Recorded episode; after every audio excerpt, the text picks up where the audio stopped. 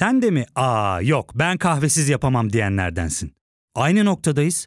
İlk ve tek kahve üyelik uygulaması Frink'le tanış. Hem bütçeni koru hem de hiç bitmeyen kahvenin tadını çıkar. Yakınlarından terapinin onlara ne kadar iyi geldiğini dinlesen de kendin için bir şeylere başlamak zor geliyor olabilir. Ya da sevdiklerine yardım etmeye istekliyken kendi ihtiyaçlarını görebilmek. Hayvel, uzman psikologlarıyla kendi ihtiyaçlarını bulmanda sana destek olacak. Terapi yolculuğuna başlamak için detaylı bilgi bölümün açıklamalarında. Hiç bir toplantının ortasında Allah'ım ben bunlardan hiçbir şey anlamıyorum. Etrafımdaki herkes her şeyi çok iyi biliyormuş gibi geliyor. Ama ben neden bu kadar yetersizim? Ya da burada tam olarak ne arıyorum diye düşündüğünüz oldu mu? Ya da mesela çok iyi bir okulda okurken ya da çok iyi bir e, başarıya imza atmışken bu benim başarım değil ya da ben bunu hak edecek bir şey yapmadım aslında. Tamamen şans eseri buradayım ve aslında çok yetersizim. Burayla hiçbir ilişkim yok diye düşündüğünüz oldu mu? Sosyal medyada arkadaşlarınızın storylerine, postlarına bakarken neden ben de şu tatile gidemiyorum ya da neden ben de şu şekilde giyinemiyorum diye düşündüğünüz. Veya ilişkiniz içerisinde ne yapsam yaranamıyorum, hep yetersiz kalıyorum, neden ben iyi bir ilişki kuramıyorum diye aklınızdan geçirdiğiniz. İşte bütün bunlar yetersizlik hissinin bizdeki yansımaları. Ve şuna eminim ki bu podcast'i dinleyen herkes hayatının birçok noktasında kendisini yetersiz hissettiği anlara temas etmiş durumda.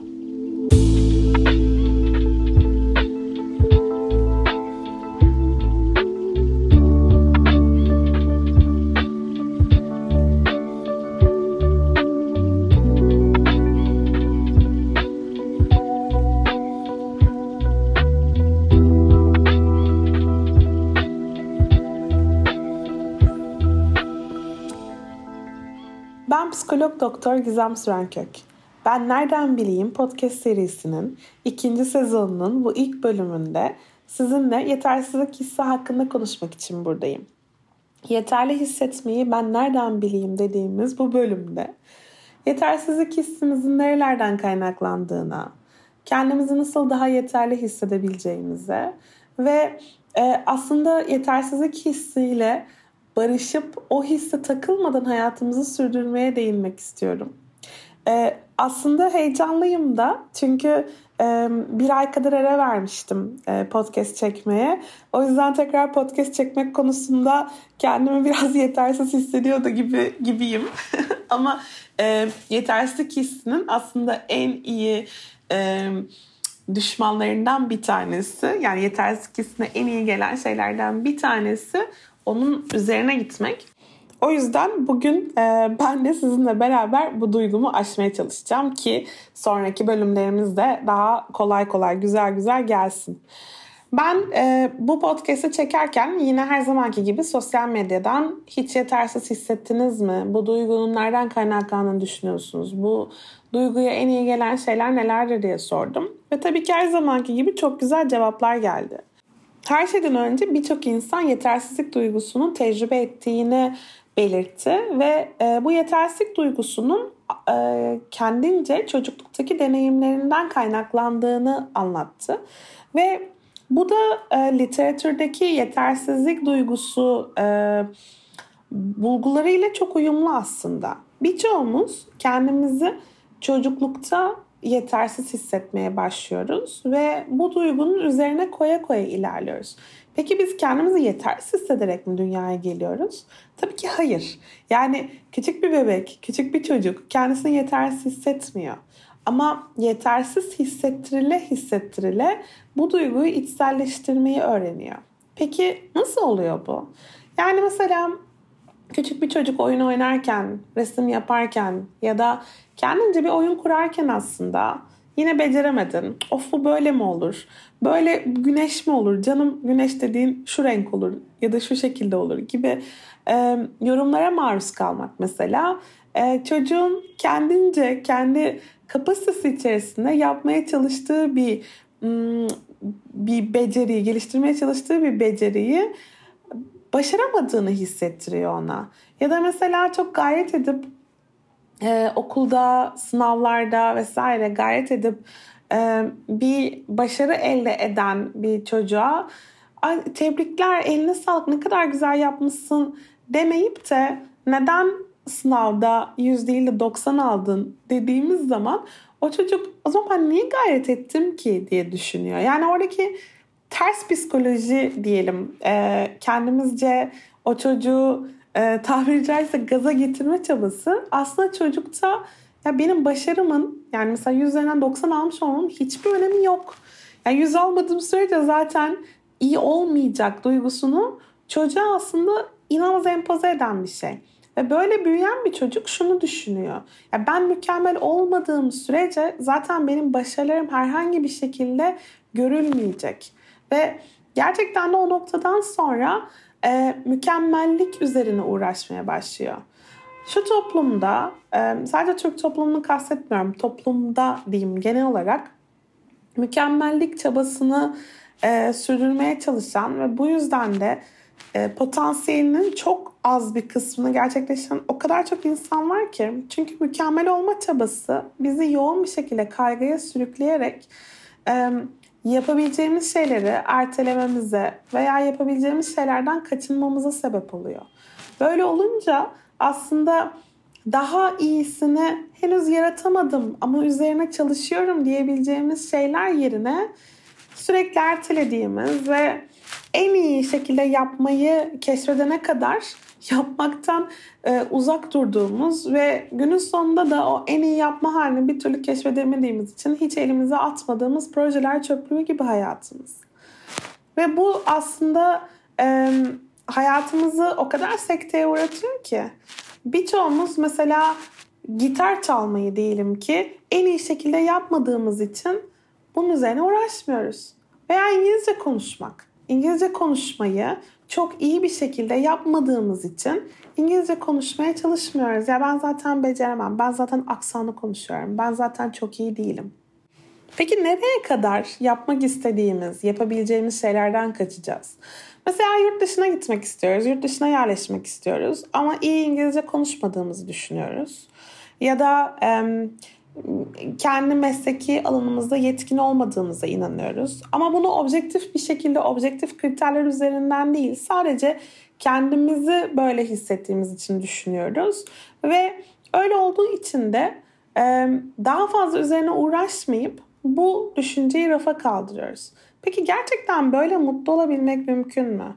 Yetersizlik hissinin bizi paralize etmesine izin verdiğimiz her seferinde aslında kendimizi gerçekleştirme hayalinden an be an uzaklaşmış oluyoruz. Şimdi burada yetersizlik duygusunun e, temelinde bize kendimizi yetersiz hissettirmiş çocukluk deneyimleri olduğundan bahsettim. Ama tabii ki bunlar sadece ebeveynlerimizle ilgili değil. Hatta bazılarımızın ebeveynleri bu konuda özen göstermiş olsa bile biz çocuklukta başka insanlara da maruz kalıyoruz. Mesela öğretmenlerin, rolü çok önemli.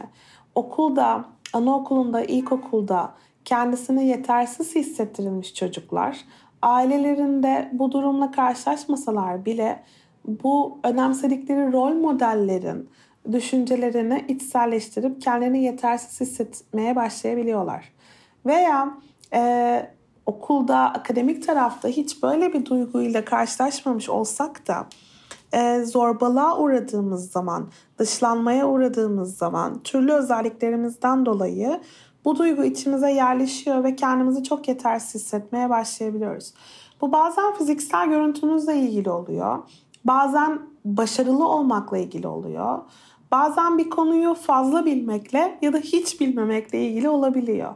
Ama her ne olursa olsun aslında temelinde bir dış sesin, bu dış ses bizim önem verdiğimiz bir büyük de olabilir.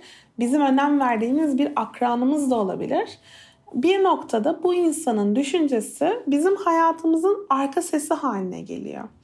Aslında belki daha önceki bir podcast'te bu tanımı kullanmışımdır. Kullanmadıysam veya ilk defa e, dinliyorsanız beni e, kafanıza canlandırabilmek isterim. E, bizim hayatımızda özellikle çocukken duyduğumuz eleştirel dış sesleri biz e, neredeyse küçük bir böyle mikroçipe yerleştirip beynimizde taşıyor gibiyiz. Yani o sesler bir kere duyulup kalmıyor. O sesler bizim arka planda sürekli çalmaya devam ediyor. Büyüsek de çok büyük başarılara imza atsak da arka tarafta hala yetersizsin, başaramadın, yine olmadı, bak gördün mü bunu da halledemedin şeklinde en ufacık tökezlememizde o arka ses gelmeye başlıyor tekrar. Ve e, şunu düşünüyoruz. Başka insanlar benim gibi değil. Başka insanlar hep başarılı. Başka insanlar bunu yaşamıyor. Halbuki bu gerçekten gerçeklikten o kadar uzak ki. Başarılı gördüğümüz herkesin kendini bir yetersiz hissetme öyküsü var. Mesela çok iyi okullarda okumuş e, biri o okullarda okurken kendisinin o okullarda olmayı hak etmediğini düşünebiliyor. Ya da çok iyi bir işe girmiş, çok yüksek bir terfiye almış, iyi bir pozisyona girmiş bir insan. Ben burayı asla hak etmedim. Bir şekilde bunu fark edecekler ve ondan sonra ben bu işi kaybedeceğim diye düşünebiliyor. Veya dışarıdan çok güzel bulunan bir insan aslında kendi bedeninde birçok e, kendi bedenine dair birçok kısmı beğenmiyor olabiliyor ve e, dışarıdan gelen aslında türlü güzel yorumları da es geçebiliyor. Bu arada bu önemli bir nokta buna değinmediğimi fark ettim. Yani biz aslında kendimizi yetersiz görüyorsak dışarıdan gelen yeterlisin yorumları da işe yaramayabiliyor. Hatta şuna benzetiyorum ben bunu. Bir havuz düşünün ve bizim kendi yetersizlik hissimiz o havuzun dibindeki yarık gibi. Dışarıdan gelen her türlü e, olumlu yorum havuzu bir anlık doldursa da e, yarık derinleştikçe aslında o su o havuzda kalmıyor, gidiyor. Öyle olduğu için de biz kendimizi sürekli yine yetersiz hissetmeye devam ediyoruz. Aslında temelinde dışarıdan aldığımız onayla, dışarıdan aldığımız olumlu yorumlarla beslenmektense kendi yetersizlik hissimizi kapatmaya çalışmak o havuzun dibini sağlamlaştırmamızı sağlıyor. Böylece dışarıdan gelen olumlu yorumlar da daha fazla işe yarıyor. Yani o yorumlu, o olumlu yorumlara bağımlı olmuyoruz ama olumlu yorumların olumlu etkisinden de faydalanabiliyoruz. Şimdi peki nereden başlamalıyız? Nasıl devam etmeliyiz ve e, nasıl olacak bu işler? Az önce söylediğim gibi hepimiz yetersizlik hissiyle hayatımızın bir noktasına boğuşabiliyoruz. Bunu bilmek benim ne işime yarıyor diye düşünmüş olabilirsiniz. Ama aslında ortak insanlık deneyimi dediğimiz yani bu duyguyu sadece ben yaşamıyorum. Aslında herkes yaşıyor. Duygusu bize çok iyi geliyor. Çünkü biz baktığımız zaman mesela Instagram storylerine mesela e, diğer insanların hayat e, hayatlarından kesitlere baktığımız zaman sanki herkes o an olabilecek en iyi hayatı yaşıyor da biz sadece sıkıntılıymışız gibi hissediyoruz. Halbuki gerçek bu değil. Kimse Instagram'a mesela ağladığı, üzüldüğü veya en çirkin olduğu fotoğrafı koymuyor. Çektiğimiz 20 tane fotoğraf içerisinde elimizin, kolumuzun, yüzümüzün, saçımızın en iyi göründüğünü seçip koyuyoruz. Veya bütün günü mutsuz geçirmiş oluyoruz ama bir tane fotoğraf çekileceğiz diye yüzümüze bir gülücük yerleştirip o fotoğrafı paylaşıyoruz. Veya bir başarımızı paylaştığımız zaman diyelim ki Twitter'da sadece o başarıyı anlatıyoruz. O başarının arka planında ne kadar çok başarısızlığa uğradığımızı ve aslında o başarıya gelene kadar ne kadar çok yenildiğimizi hiç anlatmıyoruz. Maalesef bunlar acı ama e, nedense insanlar sadece olumlu taraflarını e, göstermek istiyorlar. Bu da aslında insanların kıyaslama yapma e, duygusuyla çok ilişkili. Biz e, sosyal hayatta sosyal varlığımızı e, kıyaslama yaparak sürdürmeye meyilliyiz. Bu aslında birimize özgü bir davranış değil ama bazılarımız biraz daha fazla kıyaslama yapmaya meyilliyiz. Bazılarımız biraz daha az yapıyoruz bunu. Kıyaslama yaptığımız zaman aslında kendimizi sosyal olarak nerede konumlandırdığımızı görmeye çalışıyoruz. Kendimizi bizden daha iyi durumda olanlarla da kıyaslıyoruz. Bizden daha kötü durumda olanlarla da kıyaslıyoruz. Ve şunu hissetmek istiyoruz. Ben iyi bir noktadayım. Ama bunu yaptığımız zaman kendimizden daha iyi durumda olduğumuzu düşündüğümüz insanların hep o noktada olduğunu düşünüyoruz. Yani sanki o insanlar hiçbir başarısızlık yaşamadılar hayatlarında. E, hep öylelerdi. hiç düşmediler, hiç şaşmadılar, hiç yenilmediler. Böyle düşünüyoruz. Halbuki biz kendi içimizde, kendi hayatımız içerisinde, kendi kitabımızın kahramanı olarak ne kadar çok başarısızlıktan geçtiğimizi çok iyi biliyoruz. Ee, ne kadar çok kendi kendimizi telkin etmeye çalıştığımızı, tekrar ayağa kaldırmaya çalıştığımızı çok iyi biliyoruz. Ama diğer insanları hep ayakta görüyoruz. Öyle olunca sanki o insanlar o başarısızlıkları hiç yaşamadılar gibi geliyor. O yüzden bizden daha iyi insanlarla kendimizi kıyaslamak bu anlamda bize çok kötü hissettiriyor ve öz saygımızı çok düşürüyor. Diğer taraftan bizden kötü durumda olan insanlarla kendimizi kıyasladığımızda da aslında gereksiz bir üstünlük hissi duyuyoruz ve bunu başka insanların kötü durumuna kıyasla duyduğumuz için bu da çok sağlıksız. O yüzden aslında yetersizlik hissimize en iyi gelecek şeylerden bir tanesi kıyaslama yapmaktan vazgeçmek ve herkesin aslında yetersizlik hissiyle baş edebileceğini ve bu hissin çok doğal bir duygu olduğunu, diğer insanların başarılarının bizim için aslında çok da büyük bir anlamı olmadığını düşünmek. Bu arada yetersizlik duygusunun sağlıklı bir miktarı, aşırıya kaçmayan bir miktarı aslında kötü değildir.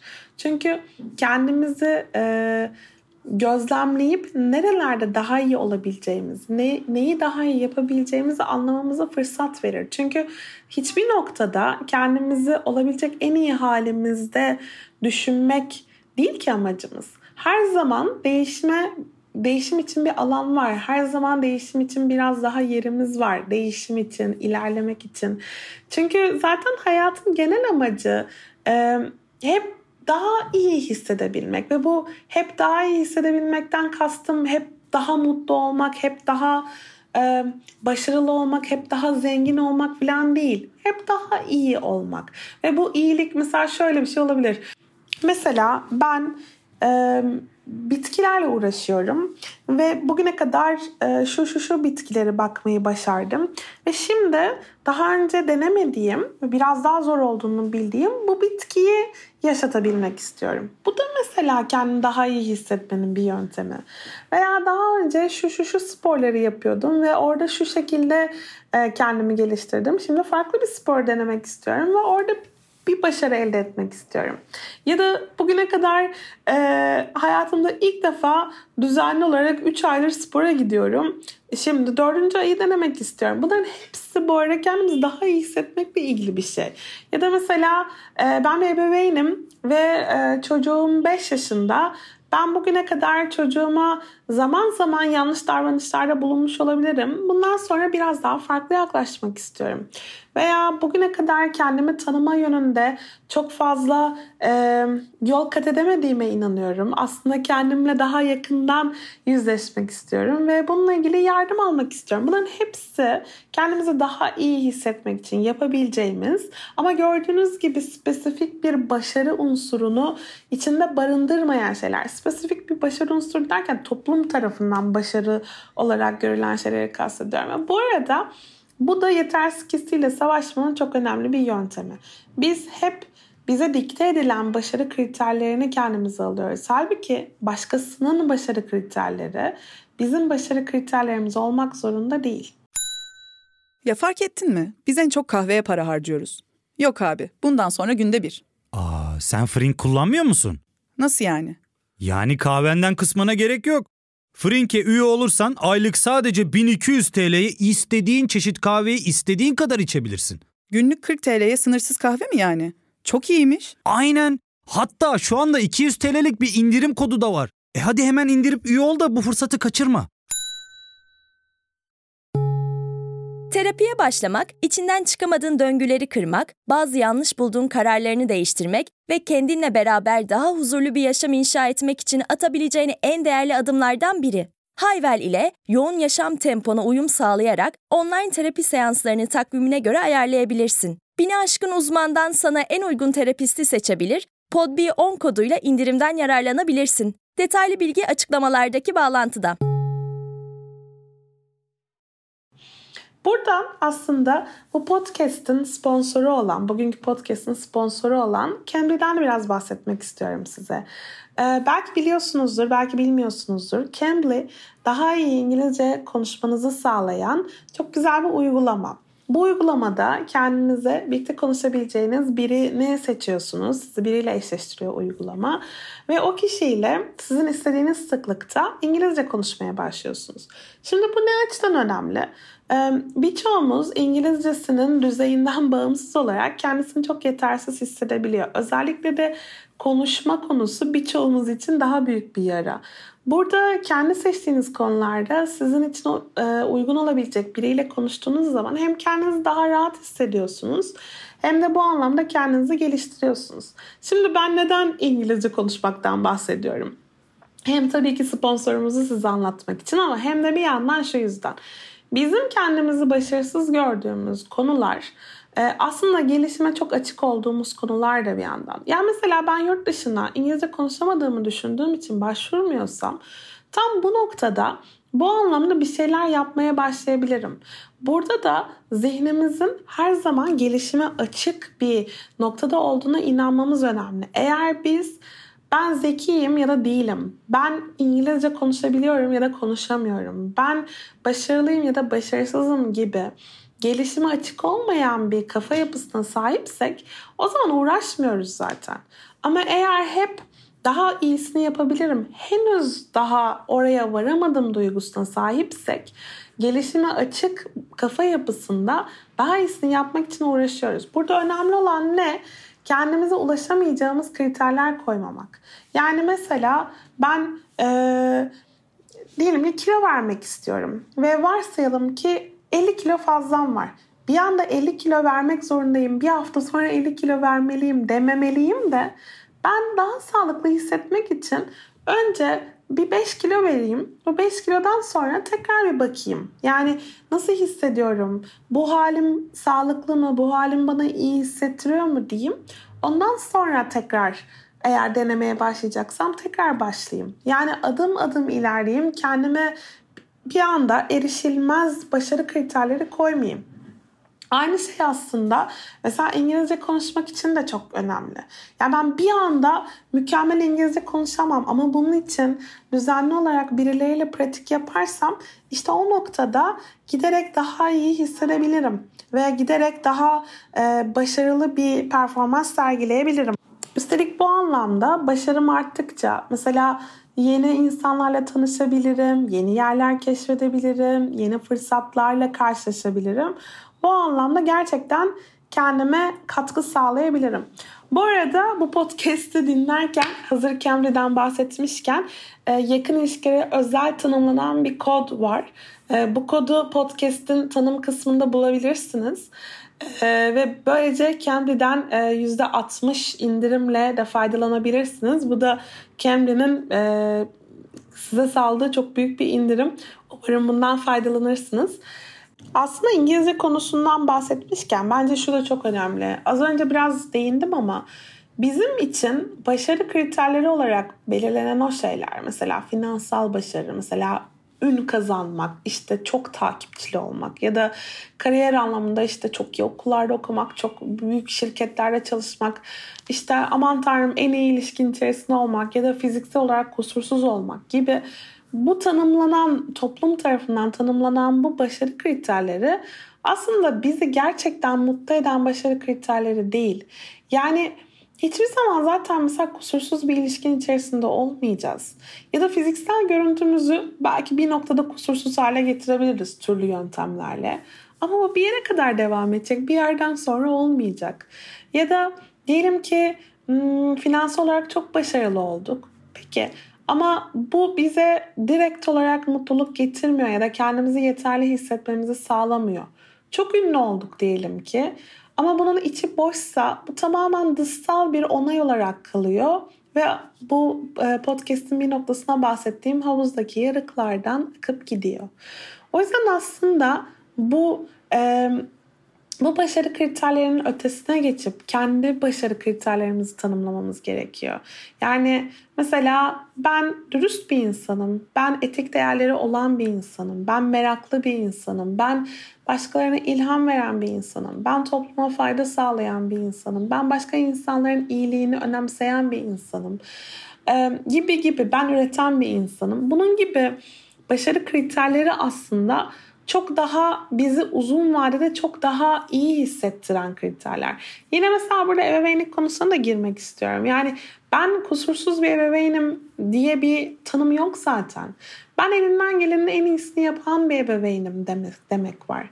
Ve bu noktada aslında e, kendimizi daha iyi hissetmeye başlıyoruz. Tabii öz saygıyı başkalarının değerine bağlı tuttuğumuzda bu zaten uzun vadede kaygımızı çok arttıran bir şey. Ee, ve bu olumluluk hissini, iyi hissetme halini sürekli böyle bir şey gibi e, dışarıdan alınan e, bir ilaç gibi aramak ve o olmazsa iyi hissetmeyi sağlayamamak gerçekten aslında uzun vadede çok daha tükenmiş hissetmemize sebep oluyor. Mesela biz işimizdeki yetkinliğimizi hep başkalarından duyduğumuz sözlerle tanımlıyorsak kendi yetkinliğimizin bir önemi kalmıyor. Dışarıdan sürekli bunu almaya çalışıyoruz. Veya mesela ne kadar para kazandığımıza bağlı olarak kendi başarımızı ölçmeye çalışıyorsak bu çok dışarıya bağlı. Ama biz eğer kendimizi işimizde yetkin hissediyorsak, bununla ilgili sürekli kendimizi geliştirmeye çalışıyorsak, yaptığımız işten keyif alıyorsak, hala yaptığımız işle ilgili kendimizi meraklı ve e, heyecanlı hissediyorsak işte o zaman aslında e, kendimizi yeterli hissetmeye de başlıyoruz. Mesela bu bence akademik kariyer için de çok önemli. Yani çok iyi bir okulda, çok iyi bir doktora yapıyor olabilirsin. Ee, ama eğer sadece o okulun ismi için oradaysan bunun hiçbir önemi yok. Ama sen orada olduğunda merak duygunu besliyorsan, etrafındaki insanlarla yaptığın entelektüel sohbetlerden keyif alıyorsan, e, orada kendi araştırdığın e, konuyla ilişkili edindiğin bilgiler seni tatmin ediyorsa o önemli. Yani biz aslında isimlere, cisimlere, markalara çok bağlı, bağımlı olarak yaşadığımız zaman aslında yetersiz hissetmeye mahkum gibiyiz. Çünkü bu bir nevi e, bir sonrakini hep daha yüksek yapmak zorundaymışız gibi. Yani şöyle düşünün mesela şu anda e, diyelim ki bir işte çalışıyorsunuz ve iyi bir işte çalışıyorsunuz. Onun bir sonraki adımında daha iyi bir pozisyonda ve daha iyi bir şirkette çalışmak zorunda gibi hissediyorsunuz kendinizi yeterli hissetmek için. Ama nereye kadar? Yani bu yüzlerinden 90 alan öğrenci örneğindeki gibi 90, 91, 92, 93. Peki bu çocuk 100 alınca kendini yeterli hissedecek mi? Çoğu zaman bunun cevabı hayır. Çünkü o noktaya geldiğinde de kendi bir sonraki ulaşması gereken hedefi koymaya başlıyor. Ama hiçbir zaman tatmin olmuş hissetmiyor. Boşluk hissi sürekli. Ee, ve buradan da aslında şuraya gelmek istiyorum. Yani kendimizin bir en iyi versiyonu olduğuna inanmak. Ama yani böyle hani bir noktada ben öyle bir öyle bir hale geleceğim ki o hale geldiğimde bu benim en iyi versiyonum olacak ve daha ötesine geçemeyeceğim dediğimiz anda zaten aslında kendimize bir destinasyon belirlemiş oluyoruz ve yolculuğun önemi kalmamış oluyor. Yani diyoruz ki o noktaya gelene kadar ben yetersizim, başarısızım, kötüyüm. Ancak o noktaya ulaşırsam ben iyiyim. Mesela şöyle düşünüyoruz. Yani ben e, daha yüksek enerjili olsam, daha pozitif olsam, daha şakacı olsam, işte mesela sanat konusunda daha bilgili olsam insanlar benimle daha fazla konuşurlar. O yüzden de ben o noktaya gelene kadar insanlardan biraz daha uzak durayım. Birazcık daha izole edeyim kendimi. Ama hiçbir zaman o noktaya da gelemediğimiz için bu sefer yalnızlıkla geçiyor vaktimiz. Ya da mesela bir e, terfi edebileceğimiz bir pozisyon var diyelim ki. Ona bir türlü başvurmuyoruz çünkü şöyle diyoruz. İşte şu şu şu konularda e, biraz daha çalışırsam, şu şu konularda yetkinlik kazanırsam, sonra şöyle şöyle olursa. Yani biz bir başvuralım. Eğer olmuyorsa yetersizsek, diyelim ki gerçekten yetersizsek ve pozisyon olmuyorsa olmadığı bilgisini alalım. Gerçek bir geri bildirimle nereleri geliştirebileceğimizi anlayalım. Kendi kafamızda kurduğumuz yetersizlik hissiyle kendi e, gelişimimize engel olabiliyoruz. Bir de aslında mükemmel dediğimiz kavram gerçekten var mı? Bu da çok önemli bir soru. Çünkü benim için mükemmel olan bir başkası için de mükemmel olmayabilir. Şimdi çocuklukta hissettiğimiz duygularla yetişkinlikte savaşmak tabii ki biraz daha zor. Bir de e, bazılarımız içinde bulunduğumuz durumlardan dolayı kendimizi daha fazla yetersiz hissettirebiliyoruz. Yani mesela toksik ilişkilerde kendimizi sürekli yetersiz hissettirebiliyoruz. Romantik ilişkileri kastettim şu anda ama yine benzer bir şekilde toksik ebeveynlerle büyümüş ve halen yetişkin bireyler olarak toksik ebeveynlerle temasta olduğumuzda da kendimizi sürekli yetersiz hissedebiliyoruz. Yani mesela diyelim ki e, hep şöyle şöyle yaparsam e, daha mutlu bir aile ilişkim olacak ya da şöyle şöyle yaparsam partnerim tarafından daha çok sevileceğim duygusu içerisindeysek e, hep o şöyle şöyle yapma kısmına gelmeye çalışıyoruz ve genellikle öyle öyle yapsak da e, bizim önümüze yine bir hedef koyuluyor. Buna koşullu sevgi diyoruz. Ve koşullu sevgiyle büyütülmüş çocukların bu duyguya çok daha fazla maruz kaldığını fark ediyoruz aslında.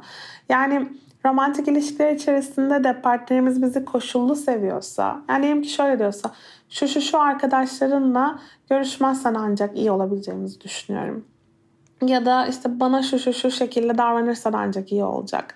Ama bu şu şu şu şekiller dediğim şeyler tabii ki e, genellikle bizim için erişilebilir veya sağlıklı hedefler olmuyor zaten. Yani bize veya ilişkiye iyi gelecek hedefler olmuyor da kişinin kendi e, kendi iyiliği için bizden talep ettiği şeyler oluyor. Öyle olunca da biz o hedeflere ulaşmaya çalışsak da bir sonraki sefer yine bu sefer başka bir yerden eleştiriliyoruz ve başka bir yerden yetersiz hissettiriliyoruz. O yüzden bir başkasının onayına bağlı olduğumuzda bir türlü ilerleyemiyoruz. Yetersizlik duygusuyla baş etmeye çalışırken şu çok önemli. Yetersiz hissetme halinin bizde fiziksel olarak nasıl hissettirdiğini fark etmek. Birçoğumuz bunu gerçekten bir boşluk duygusuyla tanımlıyoruz ya da böyle bazılarımız yoğun anksiyete haliyle tanımlıyor. Bunu fark etmek önemli çünkü o fiziksel e, hali e, hissettiğimizde bunun altındaki duygunun yetersizlik olduğunu tanımlayabildiğimizde bir farkındalık kazanmış oluyoruz. Sonra bize yetersiz hissettiren insanları tespit edebilmek de önemli. Çünkü hepimizin hayatında belli tetikleyiciler var. Diyelim ki size kendinizi yetersiz hissettiren kişi hayatınızdan çıkartamayacağınız bir insan. Diyelim ki anneniz. Ee, tabii ki burada annenizi değiştirebilirsiniz gibi bir yanılgıya düşmenizi istemem. Çünkü biz zaten e, kontrol edebileceğimiz ya da değiştirebileceğimiz insanların sadece kendimiz olduğunu düşünmeli Diğer insanların ancak kendileri isterlerse değişebileceklerini varsaymalıyız. Bu yüzden de eğer bize kendimizi yetersiz hissettiren kişi annemizse diyelim ki o zaman annemizle kurduğumuz iletişimi gerek süre olarak gerekse içerik olarak biraz değiştirmek, yer yer azaltmak işimize gelebilir aslında. Burada kendimize şefkat gösterebilmemiz de çok önemli. Çoğu zaman çocukluktan geliyor dedik yetersizlik hissi. O zaman yetersiz hissettirilmiş çocukluk halimizle e, tekrar yüzleşmek, ona hayır aslında sen yeterliydin diyebilmek, bir yetişkin olarak bugün ona bunu söyleyebilmek de çok önemli. Ve aslında e, orada başlıyor değişim. Yani kendi gerçek anlamda yetersiz olmadığımızla yüzleşme halinden başlıyor. Bir yandan da tabii ki e, bugün yetişkinler olarak e, o yetersiz hissimiz e, özellikle kaygı hali olarak ortaya çıktıysa kaygıyla baş etme egzersizleri çok faydalı. Derin nefes egzersizleri, meditasyonlar, düzenli egzersiz yapmak, spor yapmak anlamında söylüyorum. Gerekirse psikolojik destek almak çok faydalı oluyor. Ee, ve podcast'ın içerisinde yer yer söylediğim gibi lütfen kıyaslama yapmaktan elinizden geldiği kadar kendinizi uzak tutmaya çalışın. Çünkü kıyaslama bize hiç iyi gelmiyor. Ee, etrafınızı sizi destekleyen, sizin değerinizi bilen, sizi yeterli gördüğüne her fırsatta hissettiren, gerçek anlamda bu hissettiren insanlarla sardığınızda e, kendinizi kötü hissetseniz bile o insanlara sığınabiliyorsunuz. Ama e, şeyle söyleyeyim bunu bir kere daha. O insanların varlığına bağımlı olarak değil de gerektiğinde o insanlardan destek alarak ama yine bir kere daha havuzun dibindeki yarığı kapatarak ilerleyebilmek çok önemli. Ee, umarım bu podcast hepinize faydalı olmuştur. Süremiz çok uzadığı için aslında imposter sendromuna değinmek istiyordum ama değinemiyorum. Başka bir podcast'ta ona da değinirim mutlaka. Her zaman bu arada bana Ben Nereden Bileyim serisi için aklınıza takılan soruları, ah şunun hakkında podcast çekseniz ne iyi olur dediğiniz konuları yazabilirsiniz. Ee, birçoğunuzdan geldiği için söylüyorum. Toksik ebeveynler konusu hakkında bir podcast'i yakında çekeceğim. Ee, hepinize sevgilerimi gönderiyorum. Beni dinlediğiniz için çok teşekkür ederim. Bir sonraki bölümde görüşmek üzere. Cambly kodu için aşağıya bakmayı unutmayın. Hepinize sevgiler, hoşçakalın.